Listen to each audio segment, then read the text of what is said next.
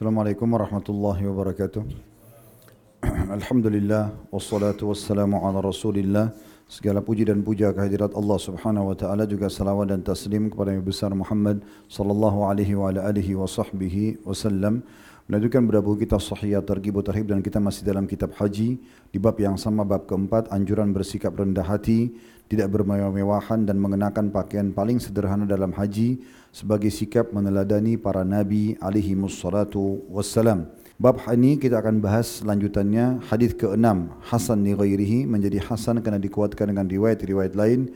Urutan 1127 dari awal belajar berbunyi dan darinya maksudnya dari Ibnu Abbas radhiyallahu anhuma dia berkata Rasulullah sallallahu alaihi wasallam bersabda shalla fi masjid shalla fi masjid khayfi 70 nabiyyan minhum Musa sallallahu alaihi wasallam ka'anni anzuru ilaihi wa alaihi aba'atani qatawatiyan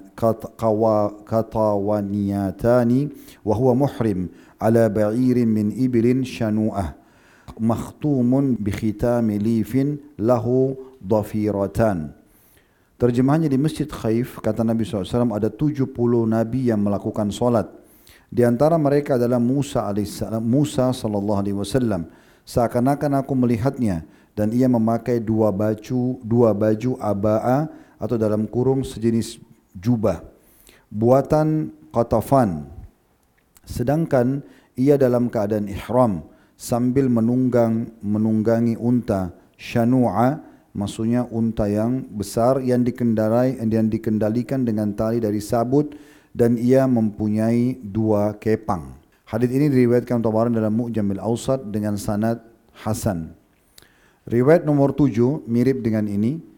Hasan di ghairihi menjadi Hasan kerana dikuatkan dengan riwayat-riwayat lain. Dan ini urutan 1128 dari awal belajar berbunyi dari Abu Musa al-Ash'ari radhiyallahu anhu.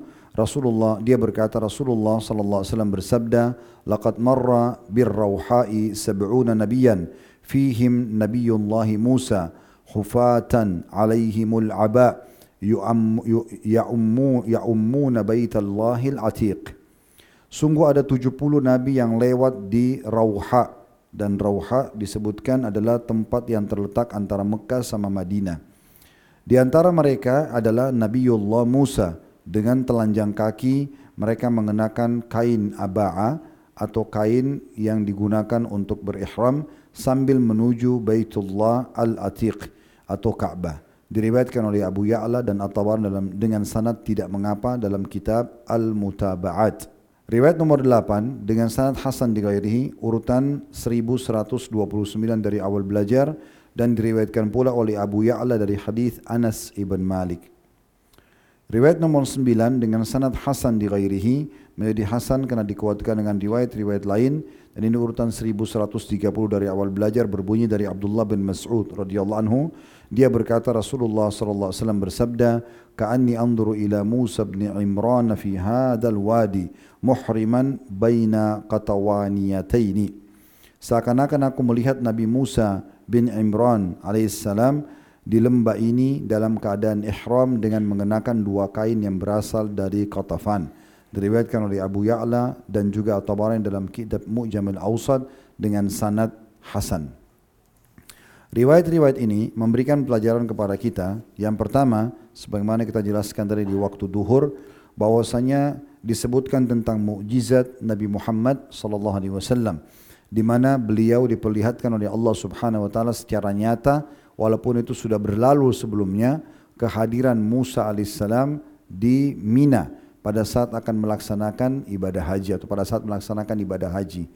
Dan juga disebutkan dalam riwayat ini ternyata ada 70 nabi yang sudah Allah ya sebutkan dan memang solat di Masjid Al-Khaif.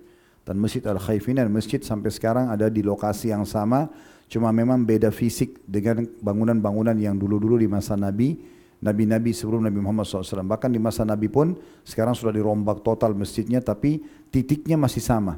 Kalau orang sedang berada di Mina, maka dia mudah dengan sangat mudah melihat masjid Khaif ini. Jadi ini mukjizat Nabi Muhammad wasallam beliau diperlihatkan nabi kita sudah jelaskan juga di waktu duhur tadi bahkan beliau diperlihatkan juga Yunus alaihi wassalatu wassalam. Pelajaran kedua mirip dengan tadi tapi ini tentang pengulangan saja tentang bolehnya kita mengucapkan sallallahu alaihi wasallam untuk semua nabi-nabi dan sebagian ulama memilih agar mengucapkan sallallahu alaihi wasallam untuk Nabi Muhammad saja sallallahu alaihi wasallam untuk membedakan beliau dengan nabi-nabi lain dan nabi lain diucapkan alaihi salam atau alaihi salatu wassalam. Namun semua umumnya boleh diucapkan yang penting jangan terlewat nama nabi tanpa mengucapkan uh, salawat kepada mereka. Pelajaran ketiga, disebutkan jumlah sab'una nabiyan ada 70 nabi. Dan disebutkan oleh para ulama perbedaan nabi sama rasul. Kalau nabi itu seseorang yang Allah utus tidak membawa syariat baru tapi dia hanya mengingatkan kaumnya apa yang disampaikan oleh nabi dan rasul sebelumnya. Sementara rasul membawa syariat baru. Semua rasul pasti nabi tidak semua nabi itu rasul. Dan kemungkinan besar yang disebutkan sini adalah nabi-nabi Bani Israel Karena jumlah Nabi-Nabi dan Rasul itu 120 ribu lebih. Dan di antaranya 313 Rasul yang wajib kita imani 25 Nabi dan Rasul.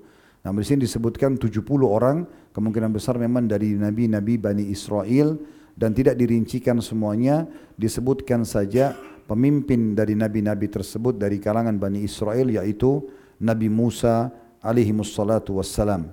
Pelajaran yang ketiga dan bisa diambil dari hadis adalah tentang masalah pentingnya seseorang menggunakan baju ihram dan tidak berlebihan dalam baju tersebut begitu juga dengan tunggangan. Jadi semampunya yang bisa ditunggangi. Tapi disebutkan sini lebih fokus ke masalah ihramnya. Rincian para ulama tentang masalah ihram adalah paling afdal bagi laki-laki. Dua lembar kain tidak boleh berjahit ditenun dan berwarna putih. Karena Nabi SAW pakai ihram berwarna putih tapi pendapat ulama dibolehkan menggunakan warna apa saja yang penting dia dua lembar kain bagi laki-laki dan tidak berjahit. Dan ini diambil daripada juga potongan bagaimana Nabi Musa AS menggunakan dua lembar kain dari katofan. Artinya dari dari satu wilayah yang memang memproduksi kain di masa itu. Pelajaran terakhir yang bisa diambil adalah tujuan setiap orang untuk mengerjakan ibadah haji adalah Allah Subhanahu wa taala dan termasuk mendatangi Baitullah Al-Atiq atau rumah Allah yang dimuliakan Ka'bah. Jadi tidak ada tujuan lain. Dan kita juga datang ke sana karena perintah Allah Subhanahu wa taala bukan karena yang lainnya. Jadi Ka'bah itu adalah simbolik. Dia sebuah bangunan batu. Makanya pernah ada seorang pastor di negeri Syam berdialog dengan seorang syekh, uh, seorang ulama muslim. Dia mengatakan kalian melarang uh, umat kalian untuk menyembah berhala. Tidak boleh sembah patung. Ya. Tapi kalian sendiri semua sujud menghadap Ka'bah dan Ka'bah itu juga batu seperti patung juga. Maka dijawab oleh syekh tersebut dikatakan sungguhnya kami umat Islam adalah umat yang patuh kepada perintah Tuhan kami. Kasus kami menghadap Ka'bah bukan karena Ka'bah atau batunya atau rumahnya, tapi karena perintah Allah Subhanahu wa taala. Tidak lebih daripada itu. Sementara kalau ada perintah Allah menghadap ke laut, kami akan ke laut. Ke pohon, kami akan menghadap pohon, tapi bukan karena benda itu. Sebagaimana pada saat malaikat diperintahkan sujud oleh Allah kepada Adam bukan karena Adamnya tapi karena perintah Allah Subhanahu wa taala. Sujud kepada makhluk tidak dibolehkan, tapi karena Allah perintahkan maka menjadi boleh pada saat itu. Nah, ini juga perlu difahami tentang masalah tujuan kita ke sana sehingga terjawablah syubhat yang menganggap kita menyembah Ka'bah tersebut. Kita sedang menyembah Tuhannya Ka'bah tersebut dan Ka'bah ini adalah sebuah simbolik yang telah ditunjuk oleh Allah Subhanahu wa taala sebagai Tuhan yang menjadi dijadikan sebagai kiblat kita. Allahu alam. Kedepannya kita akan bahas sisa hadis ada dua buah hadis, hadis ke-10 dan hadis ke-11 insyaallah di kesempatan lain. Subhanakallahumma bihamdika asyhadu an la ilaha illa anta astaghfiruka wa atubu ilaik. Assalamualaikum warahmatullahi wabarakatuh.